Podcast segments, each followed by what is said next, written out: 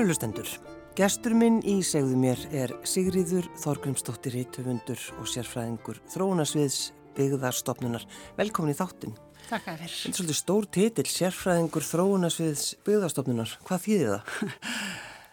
Já, ég hef búin að starfa á byggðarstofnun í 20 ár og, og þegar ég hófstörfðar þá fannst mér þessi titill, ég fór svolítið hjá mér sko af því mér fannst ég ekki vera neitt sérfræðingur En það þýðir bara einfallega við sem erum svona háskóla mentaðir, sérfræðingar, kannski er þetta bara launatitil, skilur, þetta er svona. En hvað er það sem það, þú ert að gera þarna? Um, ég hef verið með alls konar verkefni á þessum 20 árum. Um, það get hafa verið uh, stundum verið að tímabundin verkefni, eitthvað sem að snertir bara, við erum jú að að svona fylgjast með uh, þróun byggðar í landinu og, og, og, sjá, og svona með það að markmiði að, að halda landin í byggð. Já, já, akkurat. Og sem er nú svolítið mikilvægt. Heldur betur og ég menna þetta geta verið þró, e, einhvers konar samstarfsverkefni eða bara stundum hef ég, hef ég setið í eða haft það með höndum að hafa umsýslu fyrir einhverja sjóði sem er að veita styrki til alls konar góðra verkefna út um land og, og starfsvæði byggastofnunar er allt landi nema höfuborgarsvæði. E, þannig að stundum hef ég verið að, vinna einhverja greiningavinnu, skrifa skýrslur og, og þvíulíkt. Jafnvel sett í stjórnum fyrirtækja. Já, en, mjög fjölbreytt. En brotættar byggðir? Já. E, ég var svo heppin, vil ég meina, að e, ég fekk að vera með í þessu verkefni þegar það hófst.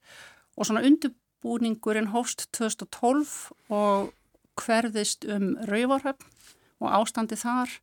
Þar var mjög, búin að vera mjög eh, langvarandi fólksfækkun og, eh, og, og hérna, erfiðleikar í atvinnulífi og uh, það má segja það að það var eiginlega bara sagt, stjórnarformaður byggðarstofnunar, forstjóri og, og uh, og sveitarstjórin í Norðþingi sem að svona voru að ræða saman um það hvað væri hægt að gera fyrir rauvarhafn mm -hmm.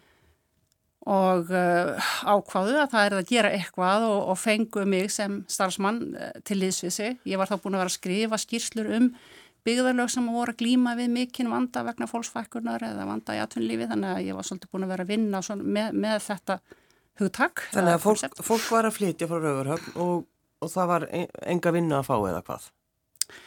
Kannski ekki beint þannig en, en þegar þetta er orðið þannig að já að það hefur verið mikill fólksflótti og kannski íbúa samsetninginu þessu segjum þar að segja er orðin uh, óhagstæð þar að segja fjö, það er ekki barnafjölskyldur, þetta er fyrst og fremst uh, eldra fólk og svo leiðis mm -hmm. þá, þá náttúrulega bara það er viðvörunarverki þannig að Og þegar við byrjuðum með þetta verkefni, eh, byrjuðum, eða komum að það í árslokk 2012, að þá bara man ég það að það var bara, fólk var bara niður dreyið og það var svona svolítið, við vorum íbúafönd og, og fólk var svona svolítið skeftist af því að það voru alltaf að koma sérfræðingar að sunnan. Einhverju sem ætlaði að segja þeim hvað þið getur gert og hvernig þetta bjarga hlutunum og, og svo gerðist einhvern veginn ekki neitt, þannig að fólk var svolítið vantrúað. En sko, voru þið þá uh, með einhverja hugmyndir eða, eða veist, hvernig er þetta bara svona breyta já, heilum, heilum bæ? Já, þetta var svolítið fyndið að því að, að, því að hérna, þessu var svona pínu, þetta var svolítið sett í mínar hendur, hvernig vættum að móta þetta verkefni og, og hérna, ég var með einhverja óljósa hugmyndum það að maður þurfti að fá íbúana með í þessa vinnu. En ég vissi ekki alveg hvernig. Mm -hmm. Uh, ég er nú alin upp í, í mikilli eh, vinstri mennsku og líðræðishugsun þannig að mér fannst svo mikilvægt að einhvern veginn að maður væri að hlusta á íbúin og þeir væri með okkur en ég kunni ekki alveg að stýra svo leiðis vinnu.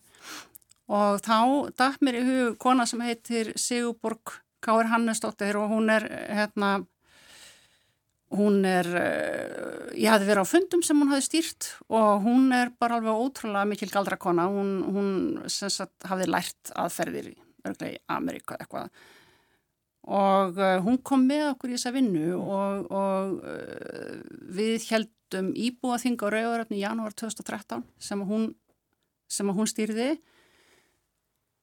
og bara það að, að vera fundi sem að hún setti upp var öðruvís sem að vanur. Þú veist, maður vanur einhverju svona bíóuppstillingu þar sem að, sem að hérna, við förum í pontu og tölum yfir líðin mm -hmm. en hún létt okkur bara, bara hérna, umbylta öllu félagsheimilinu og raða öllu ring hún, hún sagt, vin, vann þá þetta verk eða þess að setja þetta svona hún kallar þess aðferð open space og uh, hugsunun er svo ef þú situr í ring að þá, þá er engin yfir aðra hafinn. Það er enginn sem er fyrir í ræðustól og horfir yfir líðin heldur bara eru allir jafn rétt háir mm. og það er enginn sem getur falið sér svona bakvið af því hann ætlar ekki að vera með. En það er enginn þvingar til að tala. Og þetta bara, þetta virkar. Og það verður bara eitthvað svona allt annar hérna rithmi í þessu einhvern veginn. Og svo koma náttúrulega alls konar hugmyndir og, og hérna í dag, sko þegar þú ferð og heimsækir Rauðarhöfn Já. Hvað sér þau? Hvað hefur breyst? Já, ég er endar fór út úr þessu verkefni fyrir fimm ára síðan og, og mjög gott fólk sem tók við því. Kristján Haldarsson og Helga Haraldóttir á byggðarstofnun. En uh, mér, það breytist bara mjög margt. Uh, sagt, á íbúðaþinginu þá, þá þegar öllum hafi verið ræðið ring og þá óttu heimamenn að koma með hugmyndir að umræðu efnum og við sem að vorum svona embættismenn við áttum, áttum bara að vera svona á hlýðalínunni, ekki hafa okkur í frammi og ekki vera stjórnaninu og, og hérna í raun og veru koma allar hugmyndur um hvað er hægt að fara að gera koma frá heimamennum og það er unnið áfram með það, það mm. er svona hugsunin í þessu. Já. og uh, í kjölfarið á, á Íbúaþinginu 2013 til dæmis var til félag eldraborgara, eldriborgara, það var ekki fyrir og af því þetta var aldra samfélaga þá var þetta svolítið mikilvægt að fólki bara færa að tala saman og einhvern veginn ég er ekki að segja að fólk hafi ekki tala saman en okkur var sagt það sem sagt að það var ekkert félagskapur eldri borgar á staðinu þetta var eitt aðtriði og svo urðu bara til og hafa orðið til í þessum samfélagum þetta eru 14 byggðarlög sem hafa tekið þátt í í brotthættu byggðum frá upphafi Já, síðan þetta byrjaði. Já, síðan þetta byrjaði, já. já. En það voru fjögur hérna upp að þess að byrjaði Rauvarhaf og svo bara á árunnu 2013 hafa komið þrjú í viðbútt, sko. Er, tengist þetta, þú veist, útgerðin fyrir eða eitthvað slíkt eða, eða... Já, mjög oft er það náttúrulega eins og mm. Rauvarhaf, þetta var það þannig og, og, og, og víðar, víðar þar sem við umfærið þetta er samt ekki allt, sko endilega útgerastæðir eins og við vorum í skaftarreppi og, og það er náttúrulega fyrst og fremst landbúnaðar og ferðarþjónustu svæði sko. Mm. Að, að hérna, en, en þetta getur tengst því að byggðalagi sé þessu miklar fjarlæðir eins og bara í næsta kjarna eða, eða til Reykjavíkur. Svona eins og til með spakkafjörðu, bara ef maður horfður að mynda yfirleitsmynd, þá er svona Já. ein góð gata Já. og svo, svo húsin því, það er, bakkafjörðu er það, tekið það til þess að það ekki? Jú. En sko, mér fannst í þessu verkefni það sem að gerist þegar að, þegar að hérna, fólk er hóa svona saman og það fær að hafa rött í því sem er verið að gera. Það verður bara, það verður einhvern veginn svona, það skapa svona andronsloft og einhver svona, verður einhver svona neisti í fólki. Kemur einhver svona von og trú, sko. Mm. Fyrir að trúa á sjálfsig. Ég held að það sé svolítið líkjala atriði. Já, já. Í, í og, svo, eh, já og svo koma svona fæðast alls konar hugmyndir og þú veist, við erum náttúrulega að tala um að fólk eh, vil fá fleiri ferðamenn, að það er að opna já. kannski kaffihús, mm -hmm. breyta einhverjum gömlum húsum í gisteheimili. Hefur það verið svolítið svona þróunin hjá ykkur? Já, já, það orðið til mörg svona eh, ferðarþjónustu verkefni. Þegar byrjuðum í þessu þá hefðum við reyndar enga peninga með okkur sem var náttúrulega mínus En síðan var farið að setja þetta svolítið peninga og veita, veita styrki. Það er kannski engin stórir fjármunir, kannski ég held að sé einhverja 7 miljónur ári fyrir hvert byggðarlag. En, en uh, segjum að það er kannski tvær konur með einhverja litla hugmyndum eitthvað sem það vilja fara að gera. Og, og þó þetta sé ekki miklu peningar, þá getur það verið starti sem þær þurfa. Mm. Og það var ímins svoleiðisverkefni orðið til. Já, já. En eins og Rauvaröfna þá varð líka til um, þessi Já, nú er það vinnufélagi mínir. Ókáttir af því. Ég er með morgun allsamverðin og man ekki hvað hva ég á að kalla þetta en ég kalla þetta gertna sértækan byggð, hérna, byggðakota sem að byggðarstofni veitti til byggðarlaga út frá ákveðinni kategóri sem voru þessi byggðarlög sem voru í svona bráðum vanda. Og, og það, það var mjög mikilvægt tæki getur við sagt uh, og síðan líka það að við fórum að setja verkefnistjóra fyrir hvert byggðarlag að stundu var að vísu Þá úr, úr byggðarleginu þá? Nei, já, Eða... nei, nei, það var bara ráðin verkefnistjóri, hann þurfti ekki endilega að koma af staðnum sko mm og, og hann gæti verið fyrir tvö byggðarlög ef að, ef að þau ef að svo bara undir bara eftir aðstæðum. Mm. En í svona verkefni þá ertu í rauninni, þú ert að skoða samfélag og bara mannlífið er það ekki og ert þú, sko að þú byrjir Reykjavík, mm -hmm. ertu að ferðast og flakkar um all land eða hvað?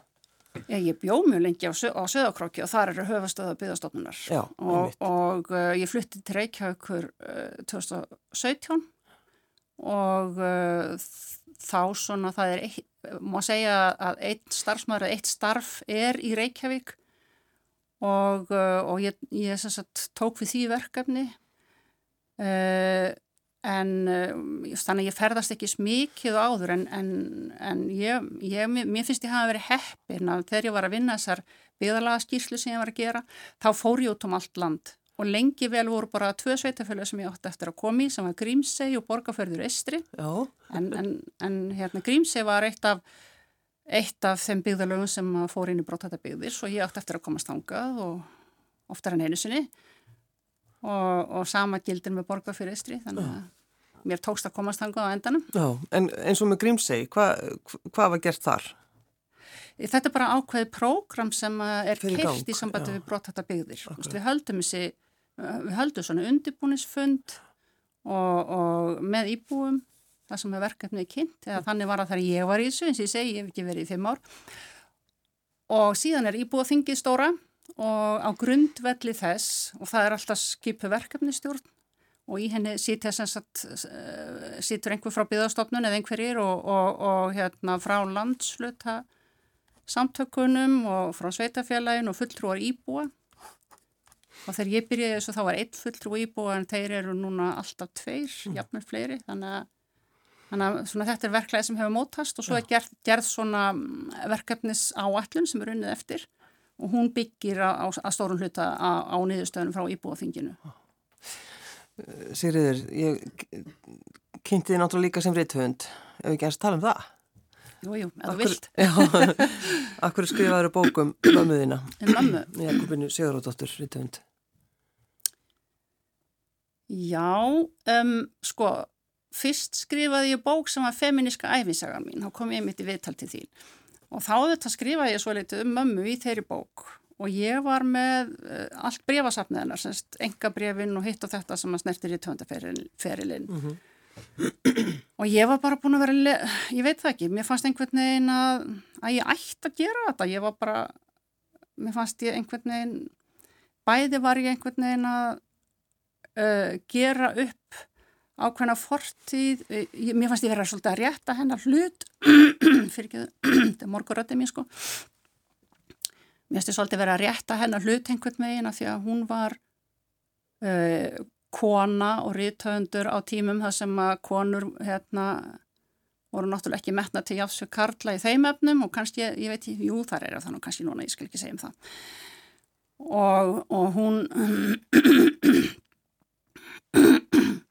Papp og mamma voru svo mikið vinstri fólk og það var kannski þótt ekki alveg parfint í, í, í sveitinu sem allir voru, flesti voru framsóknarmenn og kannski svona þrýr íhaldsmenn, ég veit það ekki uh, og, uh, og hún þar að ekki var alls ekki sagt, að standa sig í hefðbundna hvern hlutverkinu að einhverjum fannst Já, því að hún náttúrulega... Hún skrifaði bækur þó hún gerði það, það, það mest á nóttunni það, og það trublaði ekki heimilistörfin. Mm -hmm. En, en ég hef verið að lesa ættarsöguna og ég átti hérna uh, langum sem að, sem að var staldið hvernritinda kona. Langum í föðurætti gardi. Mm. Og það kvildi það orð á henni að hún hefði ekki verið alveg nógu mikil húsmóður af því að hún var kvennaskóla gengin og hún var að lesa bækur. Já og hún hafði fleiri áhugamál heldur en, heldur en að sinna börn og bú og, og kallin. Volett vesinir á þessum konum. Já, alveg reynd. Og og svo mamma, það kvildi þetta orð á henni líka, hún hefði verið léleg húsmóður, en það var, hauga líi, reynd útsagt. og, og hérna, æg, mér fannst ég bara einhvern veginn þurfa að gera þetta. Og, og þannig að því þú átt náttúrulega allt sem hún hefur, sko, eins og þú segir, brevasafnið, uh, kannski einhver handreiti, því hún náttúrulega skrifaði, fekk hvað, hún fekk rutvel þegar að Sko þú svissar svo yfir í umröðefni að ég get ekkit hugsað svona rætt. hún skrif, hún náttúrulega var, byrjaði sér ljóðskáld og svo skrifaði hann nokkra skáldsögur og hún reyndi að skrifa leikrit og svona og hún var, uh, ég held að bókmyndafræðingar myndi halda hennar nafnulofti ekki síst fyrir það að hún gerði svo miklar sko formtilrunir í sínu skáldskap, þær, þær voru svo ólíkar að formi sögurnarinnar. Hvernig fannst þér að, að þegar þú varst að búin að taka þess ákvörðun að skrifa bókumanna að, að fara í gegnum uh, brefasafnið og allt þetta? Þú veist, auðvitað varstu búin að sjá þær allar og búin að, þú veist, kannski fletta því. En þegar maður þarf að gera svona skipulega hvernig fannst þér að að fletti gegnum þetta og kynntist þenni einhvern veginn upp á nýtt? Já, algjörlega, ég gerði það og, og hérna, ég komst að bara að mjög mörgu sem ég vissi ekki áður. Því mamma var mjög svona prívat persona, hún sagði mann ekkert rosalega margt. Þannig að já, ég komst að mjög mörgu. En svo þess að skrítið með það að svo bara úst, maður skrifa bók og hún kemur út og það er eitthvað svona fjallað um hana og svo er það bara búið. Ég fletti aldrei upp þessari bók og ég er, alveg, ég er aldrei að lesa þessi bref og þetta bara, ég afgriðt þetta bara. Mm. og ég er bara mjög ána með það. Já Og hvað eru brefin? Erstu búin að gefa þau? Eh, nei, sko stór hluti af hennar sapnið, það er að segja öll svona handrit, öll bref sem snertur í tvöndaferilin, þau fóru á, á hérna, í þjóðabóklöðuna á handritadeildina. Mm. Ég reyndar er ennþá með hérna, enga brefin sem eru auðvitað ekki alveg gott, en, en eh, ég hafði hugsað mér að þau færu bara líka á sapn. Ég var með eitthvað svona draumur um að ég ætla að fara í gegnum þetta áður en ég gerði það, en þetta ég bara ég læti þetta bara fara þá. Já. Finnst þér einhvern veginn, þú veist, að lesa engabrið, finnst þér að, finnst þér erfitt eða? Nei, nei. Nei. Ég er alveg blíðunlega hvað það var þar, en ég er að skrifa núna um, um hérna, uh, að, að því ég er sko sagfræðingur í grunninn. Uh, ég er að skrifa bók núna um konur og ég er að lesa engabrið og það með þess að stendur ábyggila á þessu að þetta, þetta sé ekki til aflestrar en þau eru nú orðin sko, þau eru nú orðin bara 130 ára eða svo þannig að hérna, ég tek ekkert mark á því. Hva, hvaða, hvaða konur eru þetta? Hvað er þetta að skrifa um? Ég er að skrifa um Sýrjus? konur sem að einhleipar konur í kringum aldar, aldamóti 1900 og það er kona sem að hétt Þóra Fridriksson sem var að tísku veslinu Reykjavík sem hétt París sem er svona þungamiðjan hjá mér og ég hef verið að lesa brefin hennar og þau eru mjög skemmtilegum. Einhleipar konur, bara eins og einhver, það er bara, já, það eru mjög skrýtnar. Já, konur sem aldrei giftist og já. Akkurat, já, já, já, það var, það þótti ekkit smart. Nei, en sko, ég sé með hana að hún var, uh, þótti, var á góðum ættum og, og hún var, uh, sagt, þótti hámentuð þó hún hefði aldrei gengið í skóla Og, og hún var langtfölum í Fraklandi og, og kunni fransku og, og unni franskri menningu þannig að hún svona naut virðingar og það var hérna, skrifað um hann á öllum stóramælum og hún var svona grand dam sko. já, já. það var aldrei minnst á, á, á skortinnar og eiginmanni og börnum sko. það er ímislegt En þegar þú hugsaði tilbaka Sigriður um, þú þú ert í heimavist mm -hmm. en, mhm. en heimilið þetta er bara hvað, það eru fjóri kílometrar á milli. Já. Þá erum við að tala um, þá erum við komin í, þetta var í, í mjögarsveitinni Já. Það er svolítið sérstakt. Já, það var náttúrulega bara á þessum á þessum tíma eftir, svona frá 1965 og, og eftir það, þá var bara þú veist, það var engin snjómöxtur og sveitir liggur mjög hátt. Þannig að, að, að það var bara einfallega menn voru ekkert að keira þessa vegalenda ganni sínu sko. Þannig að stundum komst ekki eins og heim um helgar af því að, af því að það var svo mikil snjór. En, en heimavistin, sko, hvaða hús er það? Uh, þetta var, var síðar hótel og hér hótel Gígur en núna er þetta, er sem sagt hérna, þetta, núna er þetta svona upplýsingamiðstuð og hitt og þetta já, fyrir umhverfismál. Já, akkurat Þannig að þetta er svolítið, mér finnst þetta svo skemmtilegt að heimastaskóli bara í litla þorpinu einhvern veginn. Já, Já, þú getur auðvitað að kalla skútustæðið þorp en, en, en það fyrst og fremst er það nú reykja hlýð. Já, já. Já, jú, jú, þetta, það eru eitthvað cirka, í dag eru svona rétt rúmur 40 km held ég, eða 40 um km hringin í kringu vatnið. Jú, jú. Og, en, en þetta var bara svona þá. Og mannst eftir því, sko, hvernig þið leið, fannst þér að leiðilegt að fara? Í skólan? Já, vera í heimhaustinu, vera ekki hjá pappainum og mömmu. Ég vissum að flestu börnum hefur þótt það sko. Já, það var, uh, ég átti, ég, ég átti svolítið svona erfiðan fyrsta vetur og ég hafði, ég hafði ekki áður verið uh, fjari heimilu mínu. Þannig að, en við byrjuðum ekki skóla fyrir voru nýjóra þegar ég á krakki. En, en þú veist, maður var samt óttalega písl og, og þetta var erfitt en, en, en svo lagaðist þetta náttúrulega þegar það er fráleið sko. Já, já. Og þú nefndi við með áðan við settust inn inn, sér yfir að, sko, rafmagni kom mm -hmm. þegar þú varst fjara ára. Já, sirka, ég maður, ég veit já, ekki nokkla. Og þú segist, sko, þú, þú mannst eftir einhverju þessu, sko, ólíulömpum eða, eða þannig, já, er það ekki? Já, já, jú, mér rámar í svona, en, en það er mjög ólösa minningar. Já. Mér rámar í rámasleysið. Og svo þegar að náttúrulega mammaðinn fekk uh, reitvíluna. Já. Já, ég, sko, mamma, hún sagði sjálfa hún hefði skrifað bækuna sína bara svona eða sa, hún, hún hugsaði þær bara þegar hún var að mjölka kýrnar eða vinna húsverkin. Já, þá, já, hún hugsaði þær já, bara meðan hún var að vinna. Já, og svo skrifaði hún niður og hann skrifaði náttúrulega og, og hún vann mikið á nóttunni þessast bækuna sínar. Og síðan kom föðsisti mín gerðnan á sumrin og tók að sér heimilið og þá gæti mamma verið að skrifa á daginn það var, var, voru einu skipti sem að maður var var við þetta bröldi innu mömmu, það var þegar að Gugga föðusistir kom og sá um heimilið og, og mamma var að skrifa og þá var stofinni loka og við máttum ekkert vera að ganga það um neitt að óþörfu sko. Og svo fekk hún þessa rítfél og hún þurfti að læra á hana og, og hérna... Það var alltaf ekki ram á sýtvil, þetta verðum að tala um. Nei, nei, þetta fyrir þér. Rítfélni er til að þá.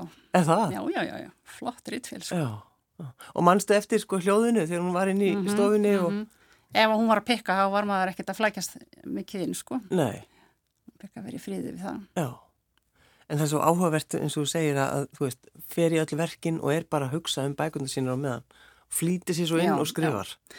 Sko mamma var þannig að ég held einhvern veginn, hún, hún vandaði mjög mikið til verka, hún var lengi með hverja bók og hún hugsaði þær mjög vel og ég held að þegar hún fór að skrifa eitthvað nýður þá var þetta aldrei mótað sko. Ég, en náttúrulega í dag þegar maður hefur tölvutnar og þú getur skrifað leðrétt ég er bara einhvern veginn þannig að það bara flæðir eitthvað stórfljótt þarna niður í, í tölvuna sko og svo þarf ég að fara að skipulegja Já, hún, þá er mammaðinn sko, þá er mammaðinn búin að því þannig að hún setts bara niður já. Já. já, sko maðurinn minn hann er sakfræðingur eins og ég og þegar hann skrifar eitthvað þá er hann svolítið eins og mamma hann, hann er mjög lengi en þetta er alveg bara tilbúið Já En ég þarf að gera alveg bara sko 30 handrit þá er hann að hægt að kalla þetta bók sko. Mm, mm. Erstu fein að hafa sest niður uh, og skrifa bók um ömmuðina? Já, ég, ég er bara daldi sjálfsána með þetta. Bókin sem sagt hérna fekk gott brauðtakengi og ég er alveg stolt af henni mm. og, og, og hérna og uh, einhvern veginn það er líka gott. Ég held að maður á ekki, það, það var margt erfitt í kringum Já, sem að maður, þetta allt æfi, æfi mömmu og, og, og mitt eigið og maður á ekki að vera að dragnast með svona hluti og láta það þingja sig niður þegar maður verið gamal. Mm. Sýsti mín sem, að, sem að er, er hjógrunafræðingur og hefur mikið starfað með, með aldraða, hún sagði við mig einhvern tíman að maður ætti að losa sig við sko allt svona vegna þess að annars er þið maður svona biturt gamalmenni sem að væri alltaf að gráta yfir einhverju sem hefði gerst í fortíðinni. Mm og, og hérna, ég hef alveg tekið mark á þessu ég, ég vil ekkit vera að láta svona íþingja mér eh, eitthvað svona fortíðinni og mér skotta á að setja á pappir og það er eflaust einhverju sem var ósáttir við eitthvað sem ég skrifaði en þá hef ég alltaf hugsað með mér já farð þú þá bara að skrifaðu bók ef einhver vil gefa nút Já, en var það, eh, sko, var mammaðin í lengt hún í einhverjum, eh, sko, einhver erfiðu sem þú ákvaðast að skrifa um eða hvað? Nei, já það voru bara heimilisaðstæðunar voru þannig mm. af því að uh, heimilisaðstæður í gardi voru erfiðar. Föðrafi minn var á heimilinu, hann var eitthvað að ég til, hann var svo smaldri neitt greint, ég held að hann hefði verið eitthvað andlega veikur og það var, hún þurfti að búa með honum í eitthvað 25 ár, hann, hann hattaðist við hann og, og, og, og gerðinni svona marti bölfunar sko. Og var eflust ekki sáttu við það að hún sæti við skriftir? Nei, ég held að hann svo sem verið alveg saman það. Uh, og síðan átt hún erfitt uppdráttar í, samf í, í samfélaginu svona framan af. Já, sem, sem ritthundur þá. Já, bara því hún var öðruvísi. Hver, hvernig, konur, hvernig öðruvísi? Já, bara af því að hún, hún var ekki kvennfélaginu, hún var ekki alltaf bara eld og baka og, og allt það, þó hún gerði það líka og hún var ekki droslega duglega við að, við að umbreyta sér og semja sig að síðum annara, þú veist, þannig að þetta svona kannski var gangvirt, getur við sagt. Mm -hmm. og, og hérna Það þóttu náttúrulega ekki gott að vera ekki kvennfélaginu Ég veit það ekki, en, en allavega þá, þá var þetta líka eitthvað sem að breyttist og lagaðist. Og hún var kannski svolítið innfæra á marganháttun mamma. Já Hvað, tröflaði þá sko svona hennar, hennar pólitík einhvern veginn? Ég, menn við erum að tala um kaldastriðstíman. Já, akkurat. Kommunisti. Já. Ég þóldi ekki orðið kommunisti þetta, ég fekk þetta, heyra þetta í skólanum. Já, mamma kommunisti, væri... kommunisti, nefn ég væri það bara öll. Já, þannig að það var svona... Það, þetta var versta skammar þess að það fannst mér svo fyndið þegar þessi umrætt systemi sem er fjórum árum eldri ég var svona rosal á hippatímanum, þá var hún svona, var hún svona sellukomi, sko. Æ, þú veist, það voru allir þessi litlu, litlu hérna, klubbar, þarna, uh, það var fylkingin og það var eikamell og hvað það nú hétt allt saman. Hún var að draga mig á hárin á einhverja mótmælafundi með sér sem ég, ég náttúrulega var bara hugsa um stráka og fötu og eitthvað svona sko og fannst þetta hundleðilegt. en, en hún hefur einhvern veginn greinilega ekki, ekki hérna, hræðst orðið kommunisti eins og ég. Nei, þannig að þú getur alveg hugsað það bara þegar að, getur fengið þessa tilfyllingu þegar að var hrópað á þig. Því líkt skammar er því að vera kommunisti? Já, já, en ég held ég hafi nú aldrei verið neitt kommunisti en, en, og einn vinnufélagi minn segir að ég sé, sé hérna, uh, ég nú mann ekki hvað orðan hann notar yfir það en hann vil meina ég sé heilmikið íhald og, og þjóðurni sinni. Já. Ég, ég held að þetta nú bara bull sko en ég hef aldrei verið neitt sérstaklega góð í það, því að fara í einhverja svona kategóriur. Sko. Nei, nei, nei. Þegar þú sko, þegar þú færð að fá áhuga einhver öðru og til dæmis um, dáleðslu, hvað kemur það allt í einu sýriður? Rosalega hef ég náða að kæfta við þig hérna fram í sko, ég varði nú 67 árum daginn þannig að það nálga svo stund að ég verði að hætta störfum mm. en ég er bara ríkala vel á mig komin ég er góða helsu Og ég var lengi búin að hugsa um hvað á ég að gera þegar ég verða hætta að vinna. Ég, ég, ég verða að hafa eitthvað, eitthvað svona til að starfa við svona allavega með fram því að vera eldri borgari og skrifa bækur. Það er ekkert ykkur því að hafa náttúrulega.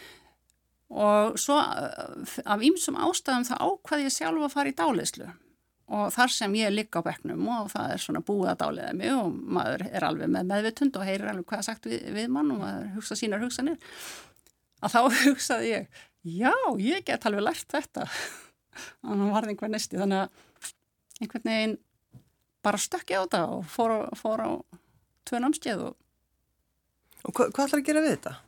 Nú, dáliða bókaða bara tíma og ég skal dáliða þig Og finnst þér sko, eins og þegar þú prófaði þetta, Já. fannst þér þetta virka? Um, sko, mér er sagt að það sé erfiðast að, að dáleiða eldra fólk, reynda erfiðara með, með karlskröka heldur en svona kellur. Og það sem ég er búin að vera að prófa sjálf með að dáleiða fólk, að þá, þá sé ég alveg að sko, unga fólki er lang meðfærilegast. Mm og það er vegna þess að það er bara með svo opin huga, það er einhvern veginn tilbúið að prófa allt mögulegt. En við sem erum svona gömul, við erum einhvern veginn búin að, við erum komið svona ríkskorðaða uh, heimsmynd, getur maður sagt. Veist, við, við erum ekkert alveg tilbúin að láta fara eitt að neitt með okkur. Þannig að eldra fólk sem hefur til dæmi stund að hugleðslu eða verið svolítið leitandi, það er meðfærilegar en aðrir. Mm. Þeir sem er eins og ég, svona mikið rökheikju fólk, er svolítið erfitt viðfangs. Þannig að það, það var alls ekki þannig að ég fengi hérna, einhverja instant lækning og öllum mínum meinum. Uh, og ég raun að veru fór dáleðslega ekki að gagnast mér fyrir en ég var búin að fara í gegnum þetta náma því að þar erum við alltaf að æfa dáleðslu sko, á námskeiðunum sem ég fór á. Já og, og hérna, ég er alveg farin að trúa á þetta sjálf. Ég bara sé, séð og upplifað ótrúlega hluti þegar ég er að dáleiða aðra. En þetta er náttúrulega svo eitthvað allt annað heldur en þú hefur verið að gera. Svona, Ég veit að margir sem er að starfa á, hvað ég segja, í mínum bransa uh, fara út í það að vera veit einhverja ráðgjöf og eitthvað svo leiðis en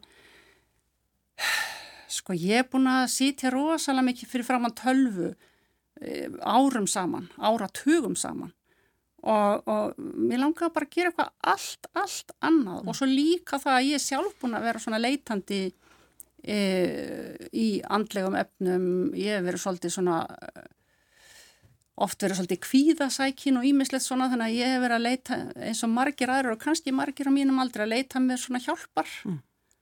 og ég er þeirra skoðunar að, að, hérna, það er ekki eitt bjarg, eitthvað eitt bjargráð sem að læknar allt hjá þér, það er bara ef þú ert leitandi þá finnur á endanum að sapnast þegar sama kemur, þú getur farið til sálfræðins, þú getur fengið dáleyslu og þetta bara funkar mjög vel saman. Mm.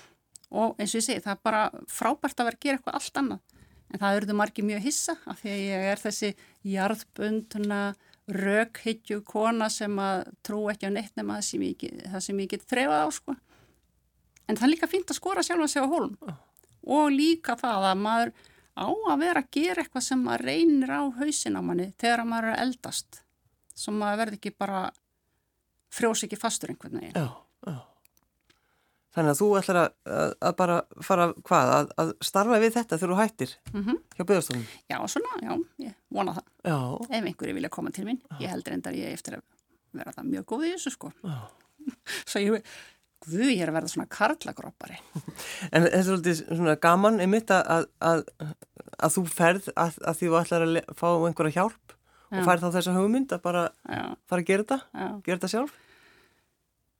Ég er bara, ég, ég er uh, mjög svona lausna miðuð ef eitthvað kemur upp á ef eitthvað hræðilegt kemur upp á þá kannski grenja ég einn dag og, og hugsa með mér ok, ég ætla ekki taka neina ákvörðin í dag og þetta verður betra á morgun og svo daginn eftir þá er ég búin að sofa þetta af mér og, og þá fyrir að hugsa um hva, já, hvernig get ég ráðið fram úr þessu?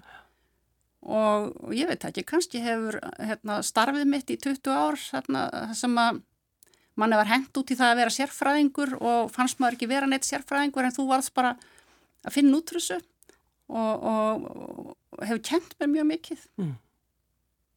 Svona, þú veist, ég hef orðið svona sjálfstæð og, og, og orðið að finna leiðir í verkefnu sem að ég fyrirfram hefði ekki haldið að ég einhvern veginn vissi hvernig ég ætti að tækla. Hmm. Ég baði að velja lag, Sigriður. Já. og það eru, það er Böbbi og Rúni Júl, akkur veldur það? Já, ég var að segja ráðan að ég, þegar ég vakna á mótnana og, og ég fer, og fer fram á rúmunu þá er ég oft byrjuð að syngja eitthvað lag og það getur verið bara allt frá bara sko jarðafarasalmum og upp í bara þungarokk sko. Og það er mjög stutt, stutt síðan að ég vaknaði eitt morgunin og þá var, var þetta lag með Bubba og Rúna Jóli í höstum á mér. Og, og þú baðst maður að velja lag og þá fröys náttúrulega heilin alveg fastur en allt í hennu poppaði þetta upp og þá bara skellt ég mér á þetta, flott lag. Myr, Myrdalsandur, Sigriði Þorgumsdóttir í töndur og sérfræðingur Þrónasviðs byggðarstofnunar, takk fyrir að koma. Takk, takk fyrir mig